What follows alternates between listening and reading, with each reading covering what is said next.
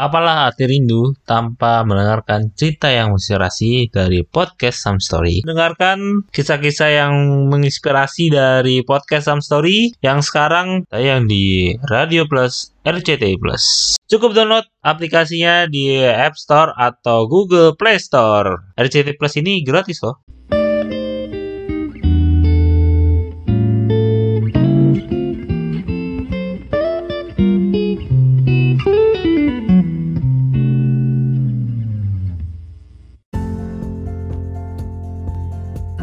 Halo, balik lagi di uh, podcast Some Story, sebuah cerita yang menginspirasi dengan gue Adam. Dan gue Acila, seperti biasa kita akan membahas topik-topik yang dekat dengan teman-teman yang mendengarkan podcast Some Story.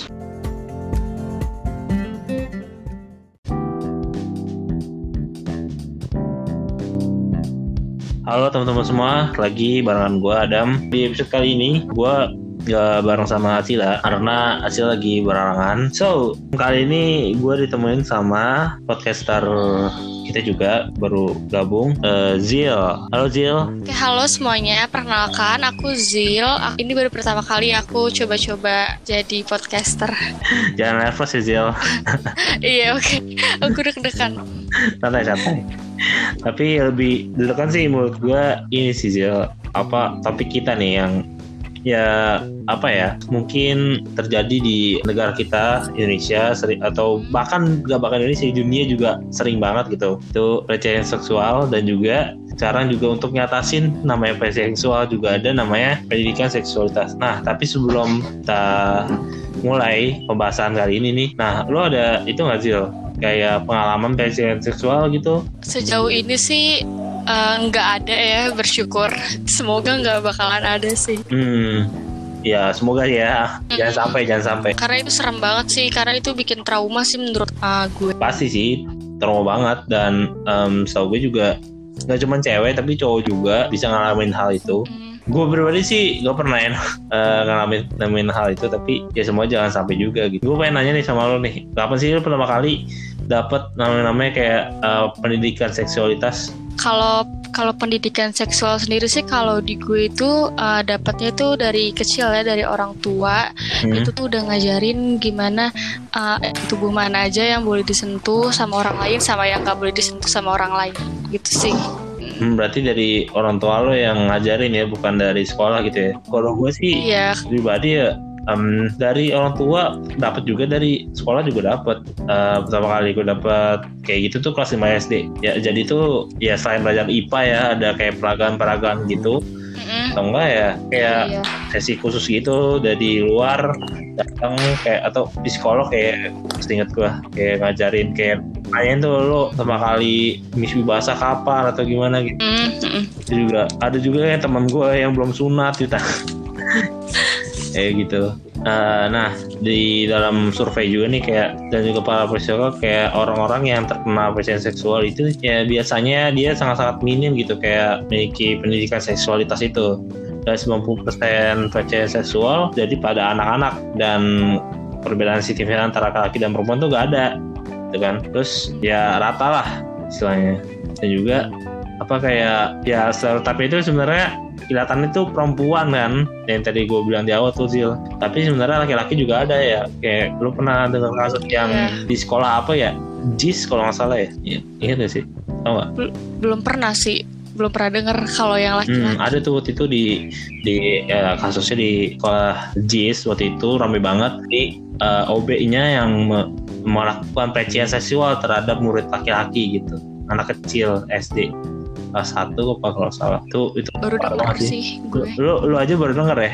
Iya baru dengar jadi itu itu banyak apa ya uh, tentang tentang ini tuh banyak yang belum speak up juga. Makanya juga pas mau jadi undang-undang yang uh, perlindungan anak itu masih belum jadi jadi juga tuh. Yang apa ya undang-undang oh, undang-undang tentang pelecehan seksual itu kalau nggak salah. Oh iya iya iya. RUU PKS iya PKS RUU PKS Uh, iya, kalau undang-undang KPK cepet banget ya, RUU PK sama ya? Iya, uh, lama banget. Padahal itu penting banget ya. Penting lah, sebenarnya. Penting banget sih. Uh. Soalnya kata DPR itu susah ya pembahasannya. Ribet. oh, oh. aduh ya namanya juga DPR kali ya Nah, um, supaya lebih seru lagi pembahasannya lebih bisa lebih dalam lagi, kita kedatangan guest star nih yang backgroundnya itu psikolog, jadi physician, yaitu Kavina. Halo Kavina. Hai Kavina. Halo. Halo. Halo Adam. Halo Zil. Hai. Hai hai. Gimana kabarnya nih? Baik. Baik baik. Oke. Okay. Kavina lagi sibuk apa nih sekarang? Aku sekarang sibuk praktek aja sih. Uh, aku psikolog ya, praktek di mostly online. Aku praktek di Solution, aku praktek di Tushe, utamanya di Tushe sih. Terus ya beberapa platform lain kayak Calm gitu. Banyak yang lain juga. Hmm, banyak banget ya. Hmm, lumayan. Offline juga di Jogja. Oke, berarti Kak Vina nih domisilinya di Jogja ya berarti hmm. ya? Kalau sekarang itu prakteknya kakak uh, di bidang menangani pendidikan seksual dan pelecehan seksual juga? Hmm, kalau klien, klien aku beberapa ada konseling yang dan psikoterapi juga yang memang kasus-kasusnya pelecehan sampai ke kekerasan seksual. Training juga kayak misalnya uh, seminar webinar gitu tentang sexual abuse edukasi seksualitas kayak gitu. Tapi pelecehan seksual kayak apa ya kak? Yang biasanya klien ini boleh ceritain ya kak? Atau di sharing nih seperti apa pelecehan seksual dan juga seperti apa tuh kekerasan seksualnya gitu yang dialami sama klien kakak ini Oke, okay. ya kalau pelecehan dan kekerasan itu dua hal yang berbeda ya. Tapi kalau yeah. Iya. uh, simpelnya adalah pelecehan belum tentu kekerasan, tapi kekerasan sudah pasti pelecehan, gitu ya. Jadi kalau pelecehan okay. itu mungkin arahnya lebih ke uh, siulan kayak gitu ya, atau tatapan oh. penuh nafsu gitu. Jadi tanpa kontak fisik pun itu pelecehan seksual itu bisa gitu. Tapi kalau hmm, verbal-verbal gitu ya? Ya verbal dan non verbal ya kalau kayak tadi kan non verbal kalau kayak verbalnya kayak apa? Humor humor hmm, catcalling juga humor humor uh, yeah. porno juga kayak gitu mm-hmm. itu pelecehan kalau aku kekerasan mm. itu lebih yang ke arahnya ada dominan powernya gitu dan ada controllingnya kayak gitu jadi kayak pemerkosaan itu pasti kekerasan seksual kayak gitu. Terus apa yang membuat apa ya pelecehan atau kekerasan seksual ini terjadi gitu kak? Apakah uh, kurangnya kayak pendidikan seksualitas atau gimana kak? Iya, menurut aku yang pertama karena belum aware dan yang kedua karena memang stigmanya kuat ya. Jadi kalau hmm. misalnya hmm. ya banyak yang nggak ngapain sih gitu dipelajarin gitu kayak ya udah natural aja gitu. Nanti kalau kalau udah waktunya misalnya udah puberty gitu ya, nanti ya jalan aja kayak gitu. Padahal ya nggak kayak gitu sebenarnya gitu. Kalau stigma ya memang di masyarakat itu kan kayak gini tuh dibilang apa ya tabu kayak gitu kan nggak nggak sopan, malu, jelek, nggak baik kayak gitu gitu. Itu yang membuat orang kayak ngapain sex ed, gitu, ngapain sex education gitu, bikin malu Alah kayak gitu jatuhnya. Padahal itu penting banget ya. Iya, itu termasuk pendidikan moral sebenarnya dan pendidikan kesehatan gitu ya. Kalau kita ngomong arahnya ke sexual abuse dan uh, sexual harassment gitu ya, pelecehan dan kekerasan seksual itu arahnya ke pendidikan moral. Tapi kalau uh, kesehatan memang kita ngomongnya arahnya ke reproduksi. Jadi sebenarnya itu saling berkaitan gitu, saling apa ya? Satu ilmu bisa dari berbagai pendekatan kayak gitu.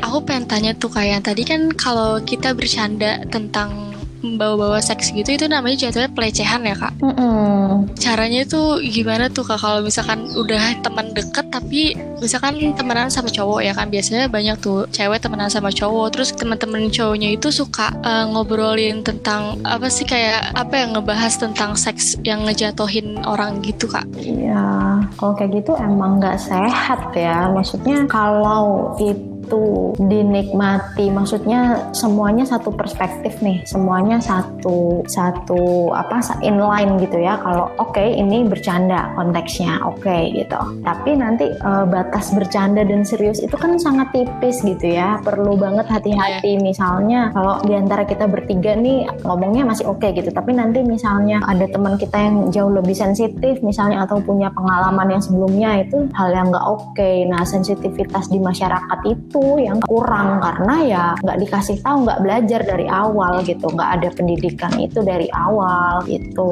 Jadi kayak misalnya nggak nggak oke okay banget ketika misalnya satu pertemanan tuh ya kalau misalnya kayak kita bertiga gitu terus aku pernah jadi korban nih terus kita bercanda yang arahnya mendekati mendekatkan ke situ gitu. Itu kan uh, kita perlu banget aware gitu apakah teman kita oke okay atau nggak oke okay dengan itu. Apa ya mungkin uh, risih kayak gitu ya nggak enak nggak nyaman gitu. Nah itu juga perlu banget untuk diperhatiin. Itu cara ngasih kalau ke temen kan biasanya suka nggak enak gitu ya. Hmm. itu ca cara ngomongnya gimana? Soalnya kan temen suka kayak bercandanya tuh kayak ayo uh, lo sama gue sini ikut kayak gitu kayak gitu kan. Terus kalau cewek kan nggak berani ya kalau udah rame-rame cowoknya banyak terus kayak jadi takut gitu kan kak. Itu gimana tuh caranya? Oke ya yang pertama tuh cari pertemanan yang sehat ya. Maksudnya bercanda. Kalau sekali dua kali oke okay, gitu. Tapi kalau lama-lama kita jadi risih karena bercandaan itu berarti lingkungan itu nggak sehat buat kita. Ya menurutku cari cari temen yang lain aja gitu. Banyak kok orang yang mau berteman sama kita. Dan mungkin yang kedua ya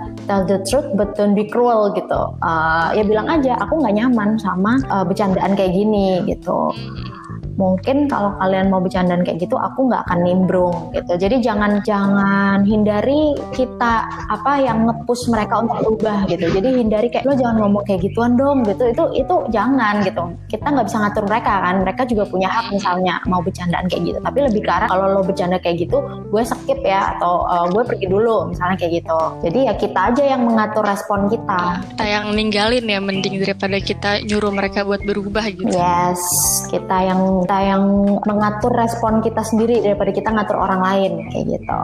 Dia bilang aja kalau emang nggak nyaman gitu. Nah dia bilang kalau misalkan yang soal pertemanan ya Berarti sih pernah pengalaman iya, juga kalau, tuh. Kalau ya. itu sering banget sih kan waktu sekolah dulu ya temennya sama cowok gitu-gitu. Terus uh, satu hmm. pertemanan gue itu tuh sering banget ngobrolin kayak uh, misalkan ada ya temen temen lain gitu pakai bajunya agak seksi terus di screen di iya. screenshot yeah. dikirim ke grup terus kayak pengen giniin dia gitu loh. Terus itu tuh bikin gue nggak nyaman. Tapi tuh gue bingung cara ngomongnya ke mereka gimana soalnya tuh lebih, lebih banyak yang kayak kayak dia itu loh pemikirannya. Jadi kalau gue ngomong juga malah gue yang salah malah gue yang kayak ya elah lo uh, baperan banget sih gitu loh. Iya kayak so so, iya, so banget uh, sih lo kayak so hmm, banget gitu padahal gitu. kan itu padahal ya gimana ya gak enak aja gitu loh ngomonginnya ngebahasnya. Iya, iya. pribadi sebagai cowok ya iya. Gue pengalaman itu juga karena ya teman-teman gue juga suka tuh yang foto-fotoin gitu. Dan ya dengerin jadi tiru ya. Iya. nah um, jadi ya kalau misalkan di cewek gitu kayak uh, ada pakaian terkenal atau kelihatan CDI di kita ya di foto hmm. gitu di dikoreksi iya. malah kayak kayak fetish kalau misalkan kita pengen itu kak balik ke, ke Kavina nih kalau misalkan kita pengen uh, belajar soal pendidikan seksualitas gitu untuk mencegah pelecehan seksual atau kekerasan seksual nah sebenarnya ada tahapan-tahapannya nggak sih untuk belajar itu atau gimana kak? Uh, ya kalau tahapan-tahapan tuh mostly mostly kan pendidikan seksual yang lagi digadang menggadangkan itu kan uh, dari kecil ya gitu. Jadi aku cerita aja kalau tahapannya itu sebenarnya banyak gitu. Tapi tahapan dasarnya itu ada lima. Jadi untuk bayi, balita, pra remaja, remaja dan dewasa itu. Uh, berarti oke okay, kita mulai paham dari mungkin dari yang paling kecil kak. Gimana mungkin kan buat orang tua juga di sini mungkin ada yang dengar hmm. gitu ya. Gimana cara kita mungkin nanti uh, aku juga jadi orang tua hmm. gitu kan gimana cara kita untuk mengajari anak kita gitu untuk pendidikan seksualitas ini gitu hmm. ya ya mungkin bisa dari sebelum punya anak aja kita udah tahu basicnya gitu kan nanti kalau misalnya ada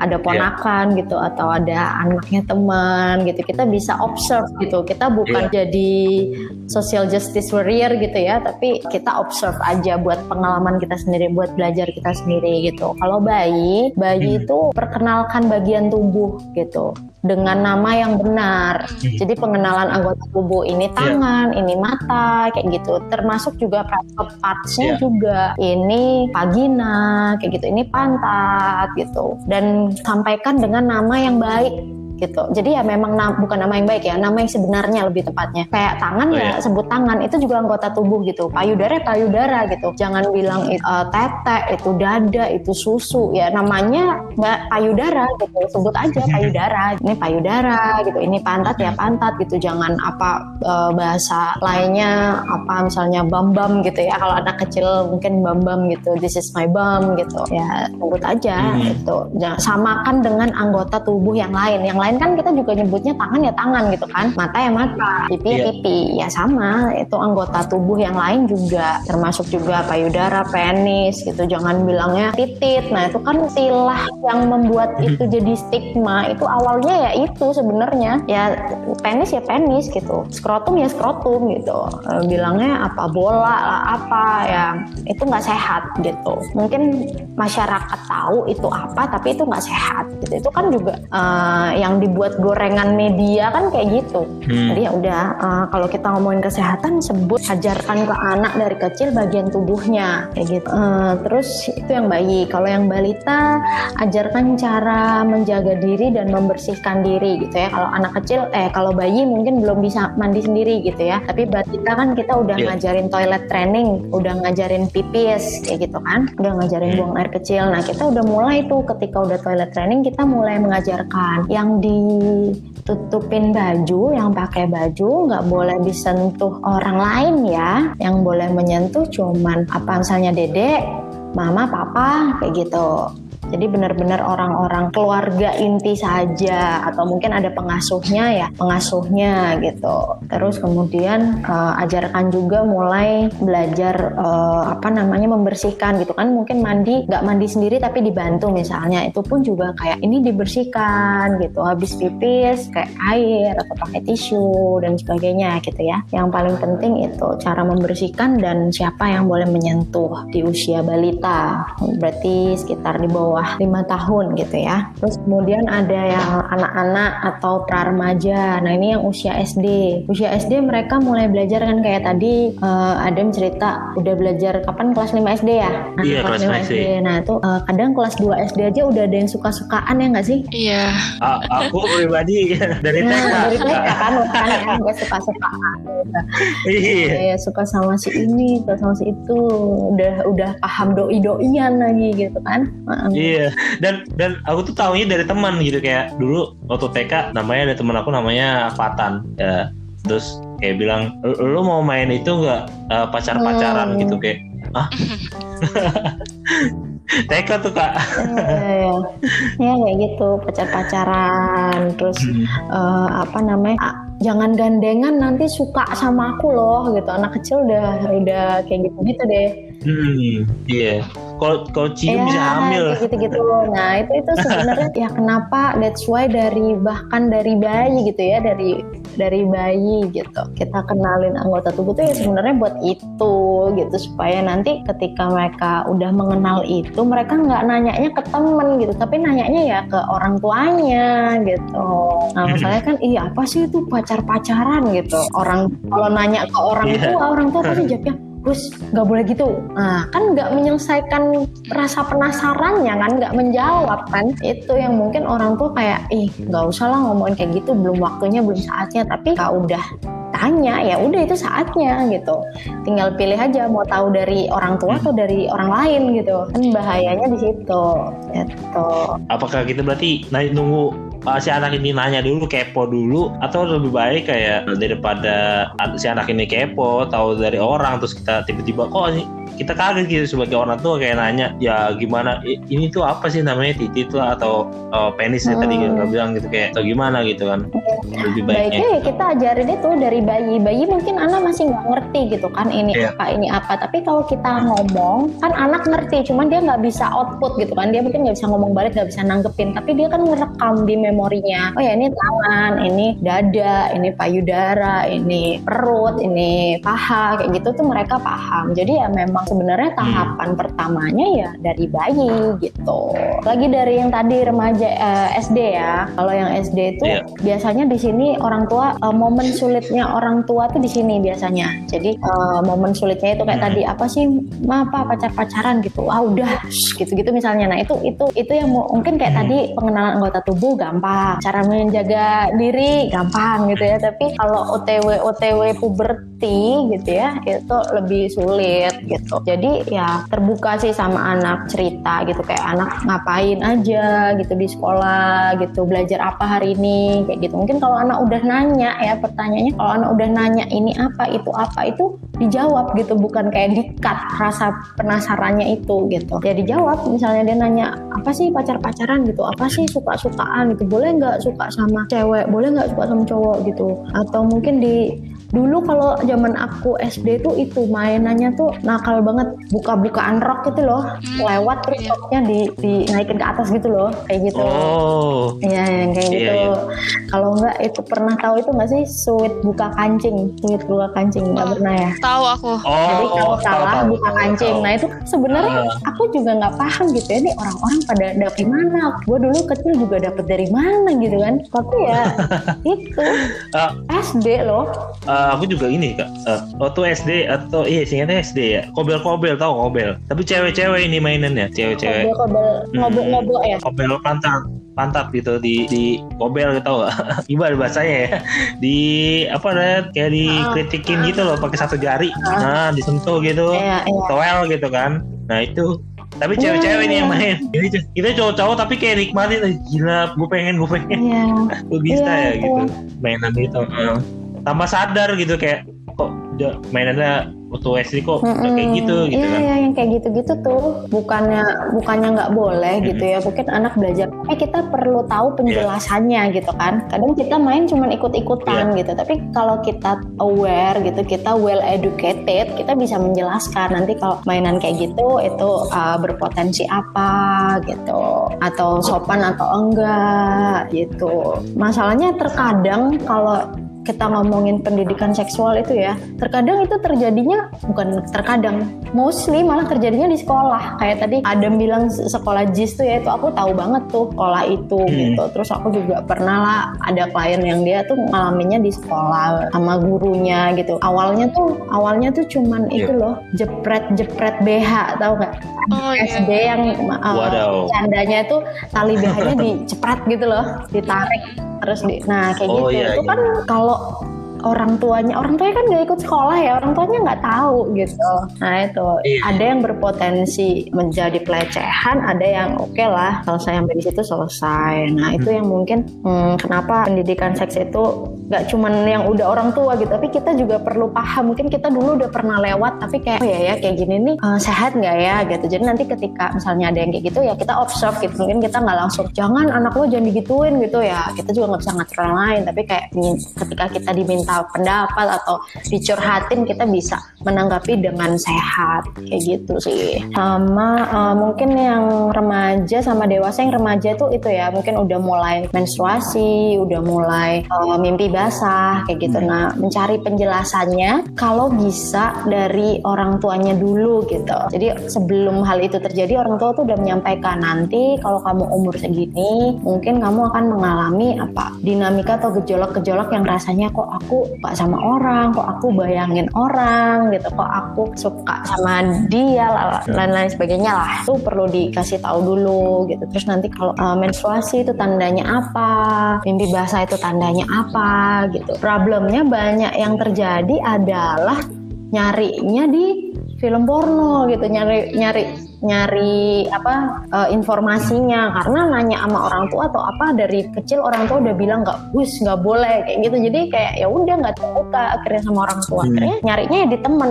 Temennya bilang nonton nih film ini misalnya kayak gitu. Nonton ini dulu. Nah itu yang nggak hmm. sehat kalau remaja kalau dewasa ya itu sebelum menikah gitu ya sebelum menikah mungkin tes atau cek kesehatan dulu terus juga ada konseling pranikah kayak gitu sih hmm. untuk dewasa tapi untuk yang belum mau menikah juga perlu banget tahu hal-hal kayak gini gitu karena itu juga jadi yeah. kita bisa mempelajari entah buat masa lalu kita atau masa kini kita atau masa depan kita. Tahap pertama tuh dari kecil aja kita udah perlu tahu bagian-bagian tubuh kita gitu. Terus nanti makin naik ke atas makin kompleks yang diketahui. Oh ternyata yang bagian tubuh aku pakai baju nggak boleh dipegang atau nggak boleh diliatin kayak gitu. Uh, tadi kak Vini bilang rata-rata tuh hmm. terjadi di sekolah kan ya. Berarti kalau uh, sekarang sekolahnya online berarti punya dampak positif juga kayak berkurang juga dong atau malah resikonya sebenarnya dari orang terdekat. Karena kan hmm. udah ketemu temen ya kan nih iya sebenarnya bisa dari mana aja gitu kan. Kebetulan kasus-kasus yang di blow up itu memang kasus yang terjadi di sekolah gitu. Tapi memang sebenarnya yang melakukan itu orang-orang yang deket gitu sama kita. Dalam arti entah serumah, entah satu sekolah, entah mungkin kita sering satu pekerjaan, satu kantor, seksual harassment di kantor banyak banget gitu. Jadi memang benar sih yang yang betul adalah terdekat gitu, circle yang deket gitu. Dan tadi bilang kalau di kantor banyak Kak Kavina sebagai perempuan atau sebagai psikolog juga eh, pernah juga nggak ngalamin. Maksudnya kan Kavina hmm. juga punya klien nih, tapi Kavina pribadi pernah ada pengalaman nggak tentang hmm, kalau aku pengalamannya kebetulan waktu kecil sih uh, waktu SD eh, um, hmm. SMP SMP SMA gitu. Tapi aku terjadinya pelecehan iya. seksual tuh di jalan gitu. Jadi di jalan aku lagi jalan kaki kebetulan. Uh, aku jalan kaki terus ada okay. orang gitu berdua cowok-cowok naik motor terus lewat itu nepok pantat aku gitu. Naik motor aku jalan kaki dia tepok gitu terus lewat aja. Sambil ketawa-tawa kayak gitu sih. Kalau pengalaman pribadi aku itu lupa SMP atau SMA gitu ya. Sejak hari itu aku kalau jalan kaki itu berlawanan arah. Jadi yang aku bisa ngadep sama orangnya. Kalau si yang naik motor tadi itu kan dia dari belakang kan? Hmm. jadi dia dari belakang jadi bisa nepok gitu. Iya. jadi aku suka uh, sejak sejak kejadian itu kalau aku jalan kaki aku akan milih uh, yang berlawanan arah gitu jadi mending nyebrang bentar terus kayak ngadep-adepan daripada potensi yang kayak gitu terjadi lagi kalau aku kayak gitu. Jadi traumatis juga ya hmm. jadi buat kakak sendiri ya. Alhamdulillahnya nggak traumatis sih, cuman jadi lesson learn aja kayak oke okay, berarti hmm. abis ini aku mau itu. Cuman memang setelah itu ada mix up feelings gitu. Kalau traumatis kan ke bawah sampai sekarang ya kalau emosinya gitu. Aku sih udah nggak yeah. udah nggak trauma lagi, udah nggak trauma lagi ya, udah nggak merasakan emosi atau memori yeah. negatif tentang itu gitu. Cuman aku jadi belajar kalau bener banget nggak cuman terjadi di apa circle kita. Kalau pelecehan seksual itu lebih luas arahnya. Jadi kayak di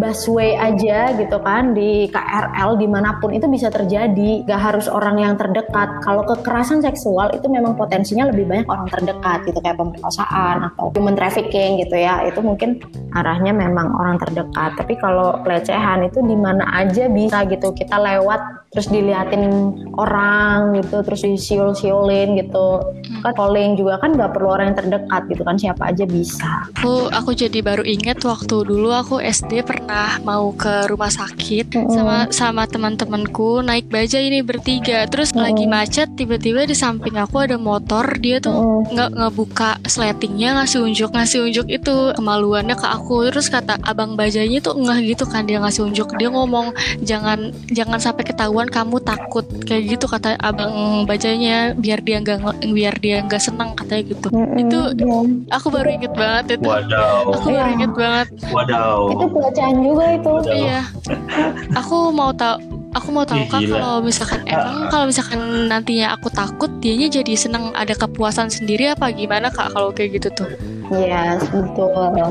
Ketika kita put emosional kita di sana, mm-hmm. kita taruh emosi kita entah takut, entah senang, entah kaget, entah emosi apa pun gitu ya, kita bereaksi emosional itu membawa kepuasan ke orang seperti itu. Oh, jadi mending kita pura-pura nggak takut aja gitu ya?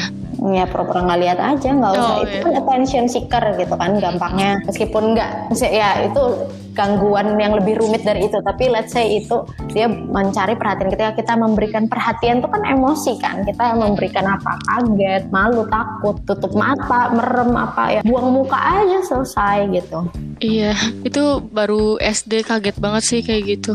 Ada orang itu benar-benar lagi macet lagi ramai banget. Dia buka itu gitu terus dia mainin. Kan jadi kan orang uh, tertarik ngeliat ya dia ngapain hmm. tangannya gitu. Pas aku lihat dia lagi kayak gitu. Terus itu aku doang yang lihat teman-temanku yang dua nggak lihat aku pas hmm. baru sampai rumah sakit aku baru cerita tuh kaget banget sih hmm, iya kayak gitu memuaskan atensi kita memuaskan dia gitu jadi jangan diberi perhatian simpelnya gitu hmm. oke okay. pengalaman gue sih ini ya dulu apa ya bukan gue yang ngalami cuman gue langsung gitu kayak dulu pernah temen gue kayak ah ini nyute temen cewek gue uh, temen maksudnya temen gue cowok dan nyute temen gue yang cewek gitu. Dan gue bingung untuk apa ya kayak untuk bilang sesuatu ke dia gitu itu gimana gitu. Terus uh, pada akhirnya ujungnya si temen cowok gue ini sama temen cewek ini punya hubungan gitu. Ya gue nggak tahu setelah itu bakal ada sesuatu yang hal yang lain gitu atau gimana. Tapi uh, intinya sebenarnya uh, gimana sih cara kita untuk bisa speak up? Ketika kita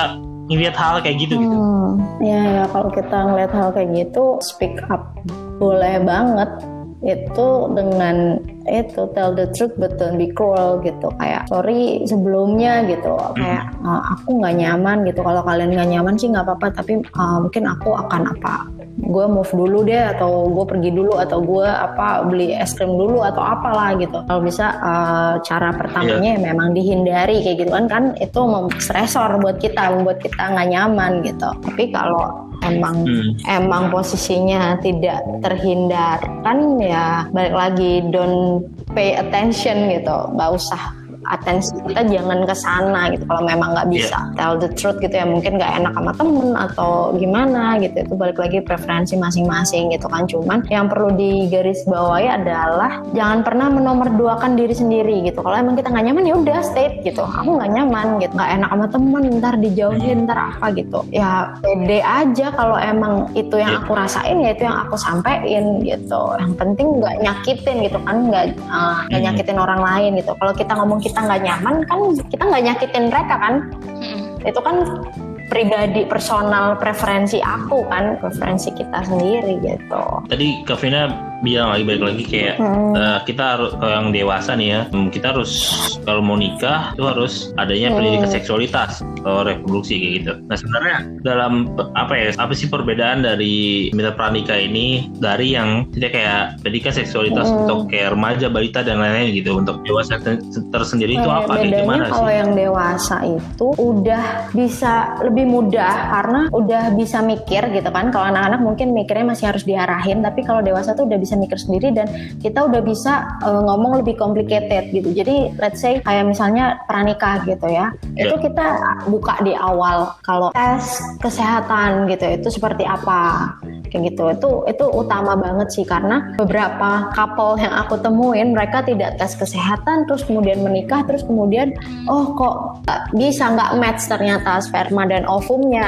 akhirnya cerai kayak gitu. Itu dampaknya kita bisa ngobrol sampai jangka panjang gitu kalau sama dewasa gitu kan. So that's why penting banget kita untuk cek juga mereka punya STD nggak uh, sexual transmitted disorder kayak gitu ya. Misalnya let's say apa syphilis dan lain sebagainya itulah HIV dan lain sebagainya. Itu perlu kita benar-benar saling memastikan nih aku sehat pasanganku juga sehat calon pasangan aku juga sehat. Karena hmm, ketika kita sudah menikah, hmm. menikah seksualitas itu dalam pernikahan sangat membantu menjaga kualitas kualitas pernikahan.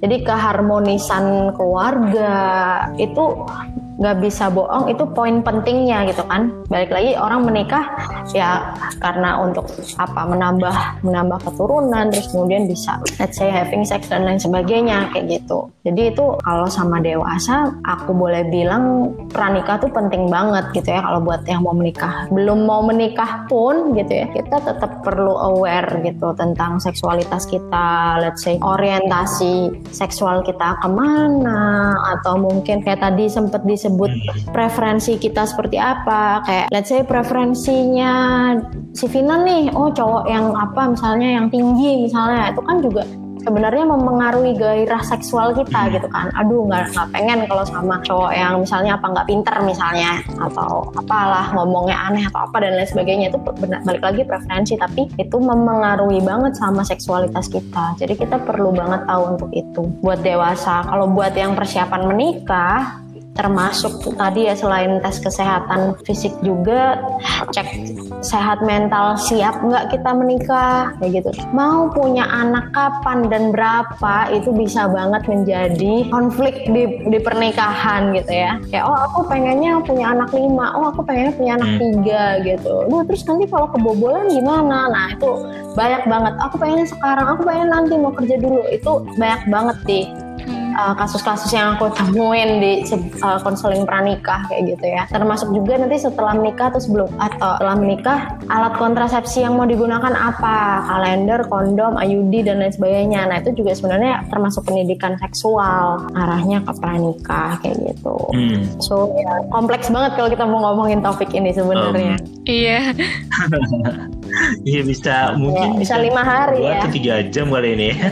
Pas lima hari kerja. Lima hari juga malah ya. Nah, uh, Zil gimana Zil? Lo kan punya pacar nih, lo udah sama pacar lo udah aware belum nih sama uh, pendidikan seksualitas? Kalau gue sih dari dari SMA punya temen yang emang tuh eh, nggak uh, ngomongin itu tuh bukan jadi hal tabu gitu. Jadi ya udah belajar aja. Terus dari sekarang kan juga uh. udah banyak kayak influencer yang uh, mulai speak up tentang pendidikan seksual kan. Hmm.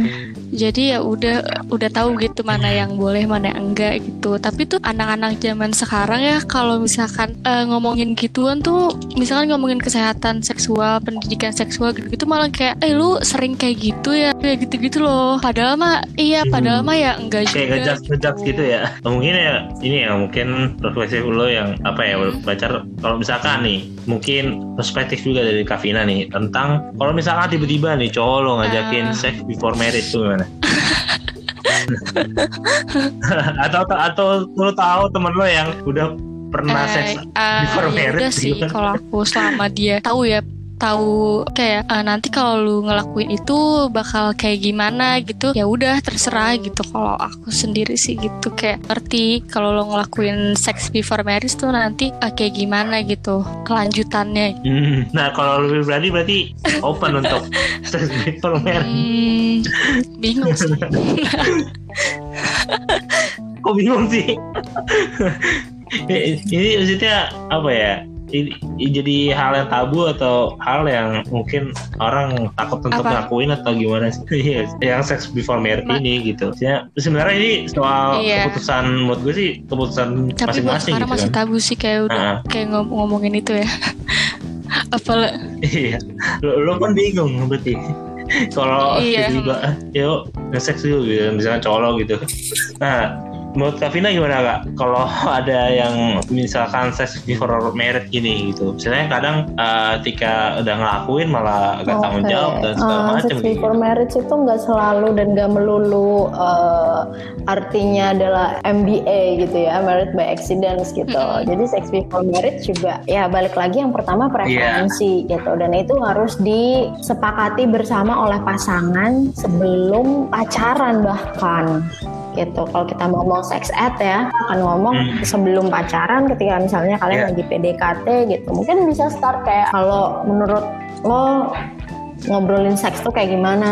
Terus dalam perlu dikasih asterix dulu ya kalau uh, eh, gue nih bukan bermaksud pelecehan seksual misalnya. Hmm. tapi gue uh, lebih kepada pengen tahu nih perspektif lo gimana sama nggak perspektif kita? Atau mungkin kita bisa discuss kayak gitu. Jadi emang perlu di precaution dulu nih gitu. Aku gue ngomong kayak gini bukan karena gue mau ngajakin lo nge-seks hmm. agak misalnya. Gue cuma pengen tahu lo nih ada di tahap mana kita satu ya, on the same page or not gitu. Terus nanti kalau memang uh, pacaran ya let's say keputusan bersama gitu. Mau sex before marriage atau mau keep it until marriage ya balik lagi dua-duanya harus setuju gitu. Namanya juga berhubungan gitu kan nggak bisa satu doang. Let's say Zil nih bilang oke okay, nggak apa-apa sex before marriage gitu. Tapi pacarnya bilang nggak nggak mau gitu. Atau sebaliknya ya nggak bisa juga gitu. Jadi tetap tetap keputusan bersama dan itu preferensi ya balik lagi gitu. Kita juga nggak bisa kayak gue suka soto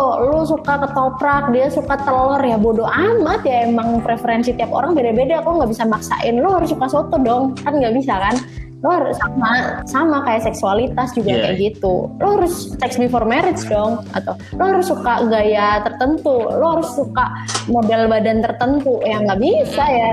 Itu namanya preferensi kita ya preferensi gitu. Gue suka cemilan manis lo suka cemilan gurih ya udah gitu. Dipahamin oke okay, dia sukanya ini. Oke okay, gue sukanya ini ya udah uh, beda belum tentu nggak bisa bareng gitu kan. Tuh ah beda circle gua. Dia sukanya kayak gini gitu ya. Belum tentu kayak gitu juga.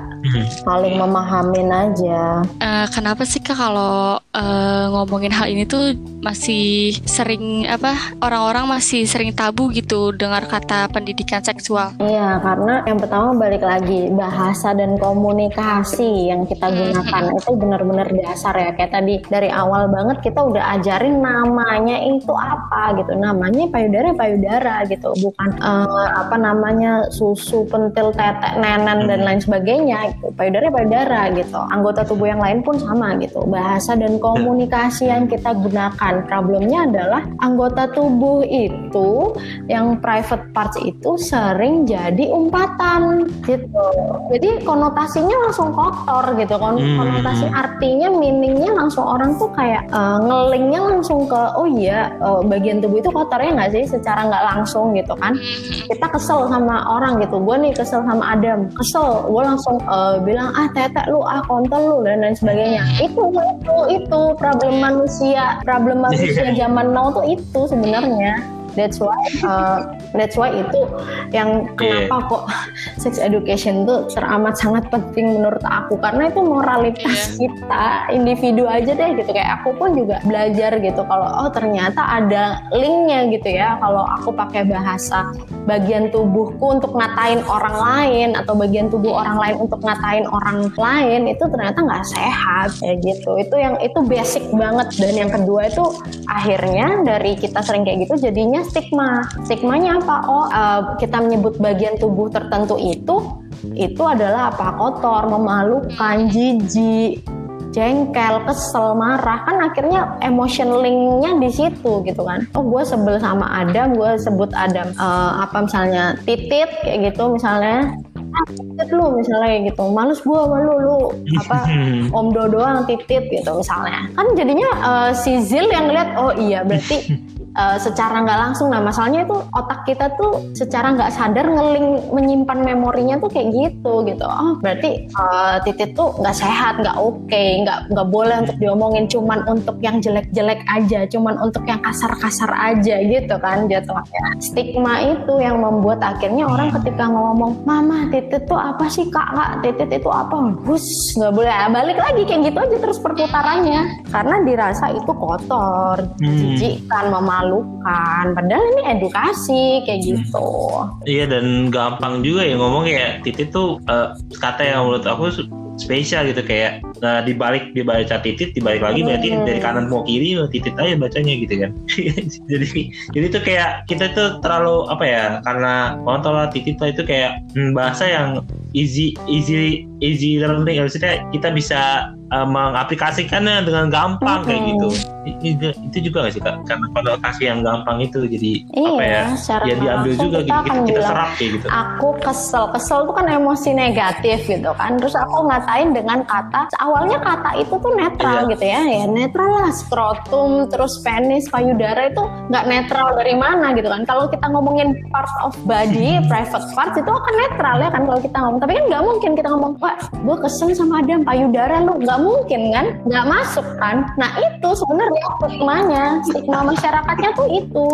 Iya sih. Itu yang perlu banget mungkin uh, poin iya, dari bener, seks edukasi untuk dewasa adalah ayo belajarlah kita ngatain orang itu nggak pakai bagian tubuh kita atau orang lain gitu ya karena itu dampaknya ternyata sejauh hmm. itu gitu loh dampaknya tuh ya akan tabu terus selamanya akan tabu kalau kita masih mikirnya kayak gitu dari perilaku aja hmm. udah apa kita sendiri yang menguatkan stigma itu gitu loh. Um, kita sering banget ya dengar berita selain pelecehan seksual, maksudnya ini nggak tahu termasuk pesan seksual atau pelecehan seksual tapi jenisnya berbeda ya. Kayak orientasinya uh, seksual itu kelainan gitu kayak laki sama laki, uh, cewek sama cewek kayak gitu. Nah itu sebenarnya apa sih yang membuat itu bisa terjadi dan gimana cara ngatasinnya? Kayak ini suatu yang sebenarnya tabu banget gitu. Kalau misalkan uh, aku di agama Islam mungkin kayak oke okay, dia memang di, di agamaku larang lah. Maksudnya kita harus berorientasi ya kalau sama cowok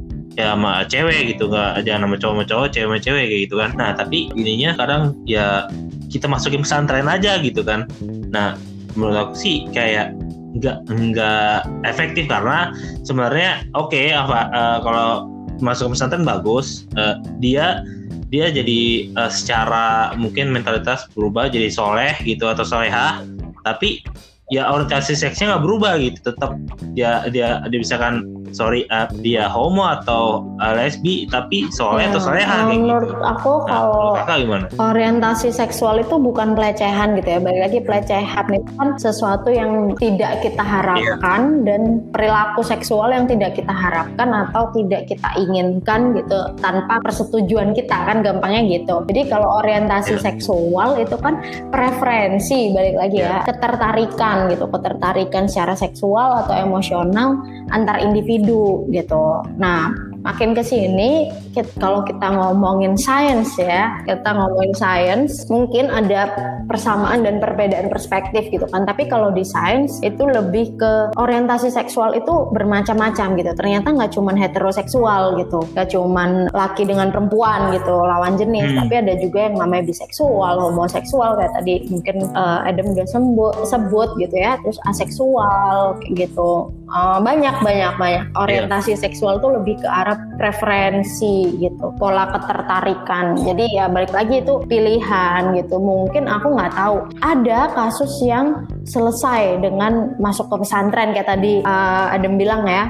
Ada yang selesai gitu tapi ada juga yang nggak selesai gitu kan? Ya iya ada yang nggak selesai karena ya ya oke okay, jadi soalnya tapi ya orientasinya tetap hmm, tetap ya. kayak homo atau lesbi jadi, atau bi uh, biseksual gitu kan. aku nggak tahu apakah ada terapi-terapi tertentu yang untuk saya supaya jadi heteroseksual kayak gitu ya. Nah itu tapi Normal. mungkin ya jauh sih kayak pemikiran kita sekarang sama apa yang disebut hetero terus kemudian biseksual homoseksual dan lain sebagainya itu ada yang memang selesai dengan apa let's say terapi bersyukur terapi spiritual terapi psikologis gitu ya. Uh, ada juga ya yang memang ternyata itu pilihan dia gitu itu preferensi kayak balik lagi kayak tadi aku suka soto ada yang sukanya ayam goreng dia suka nasi goreng kayak gitu. Kalau kita balikin ke sains ya itu terlepas dari individu per individu setuju nggak setuju suka nggak suka ya yeah. itu penemuan di lapangan ternyata ada gitu kan orang yang preferensi seksualnya tidak sama dengan kita gitu. Let's say kita hetero, dia mungkin homo, dia mungkin bi, dia mungkin iya. panseksual atau aseksual ya. Ternyata di lapangan di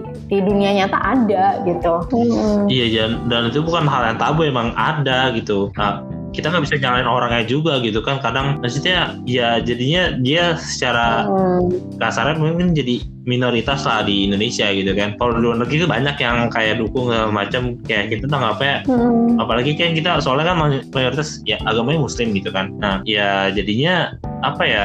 Makanya itu kita harus ada satu solusi yang bisa hmm. ngatasin keberadaan mereka gitu kan. Mereka itu juga orang gitu kan. Maksudnya bukan berarti kita harus musuhin mereka atau makanya itu banyak sekali yang harus ada solusi gitu yang bisa nyelesain hal itu gitu supaya hmm. ya ya intinya ya, gitu. menurut aku memanusiakan manusia gitu yeah. ya. Dia mereka manusia, orientasinya apa, sukanya apa gitu. Masa kalau yeah. dia nggak suka ayam yeah, goreng terus dia bukan manusia kan itu simpelnya gitu. Kalau dia nggak suka cewek, masa dia bukan manusia? Iya yeah, makanya. Gitu. Dia suka cowok, masa dia bukan manusia?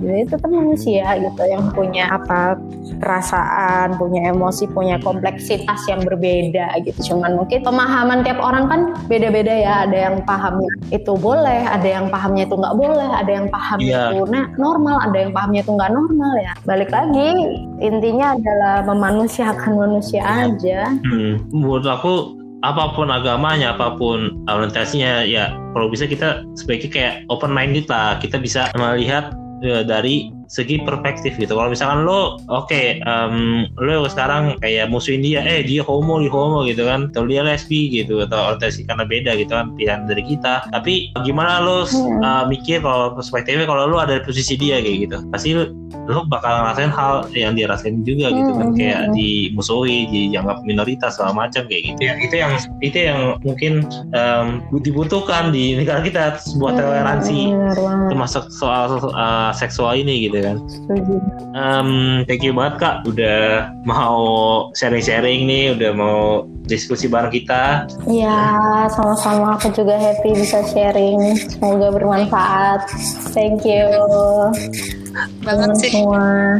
Nah, ini Kak, kalau misalnya ada teman-teman nih yang pengen nanya-nanya lagi kayak masih belum kita udah lumayan panjang juga nih ngobrol tentang pelecehan dan pendidikan seksualitas gitu kan.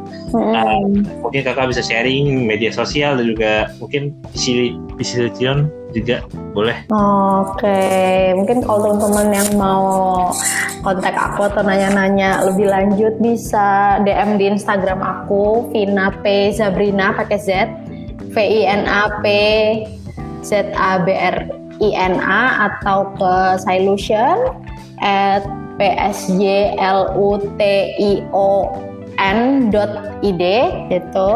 Atau bisa juga uh, email ke aku devinapriskila at gmail.com gitu. Thank you sharing-sharingnya. Thank you. Thank you kak. thank you. Semoga semakin tercerahkan dengan ngobrol-ngobrol santuy Santuy tapi bermanfaat banget ya. Nah, ya, Betul betul. ada ya amin ya Amin. Kalau ada teman-teman yang ingin bekerja sama atau ada ide konten bisa DM ke Instagram at podcast underscore some story dan email ke podcastsomstory at gmail.com. Oke, thank you buat teman-teman yang udah dengerin episode kali ini and and And see you on see you on next episode. dadah. Dadah.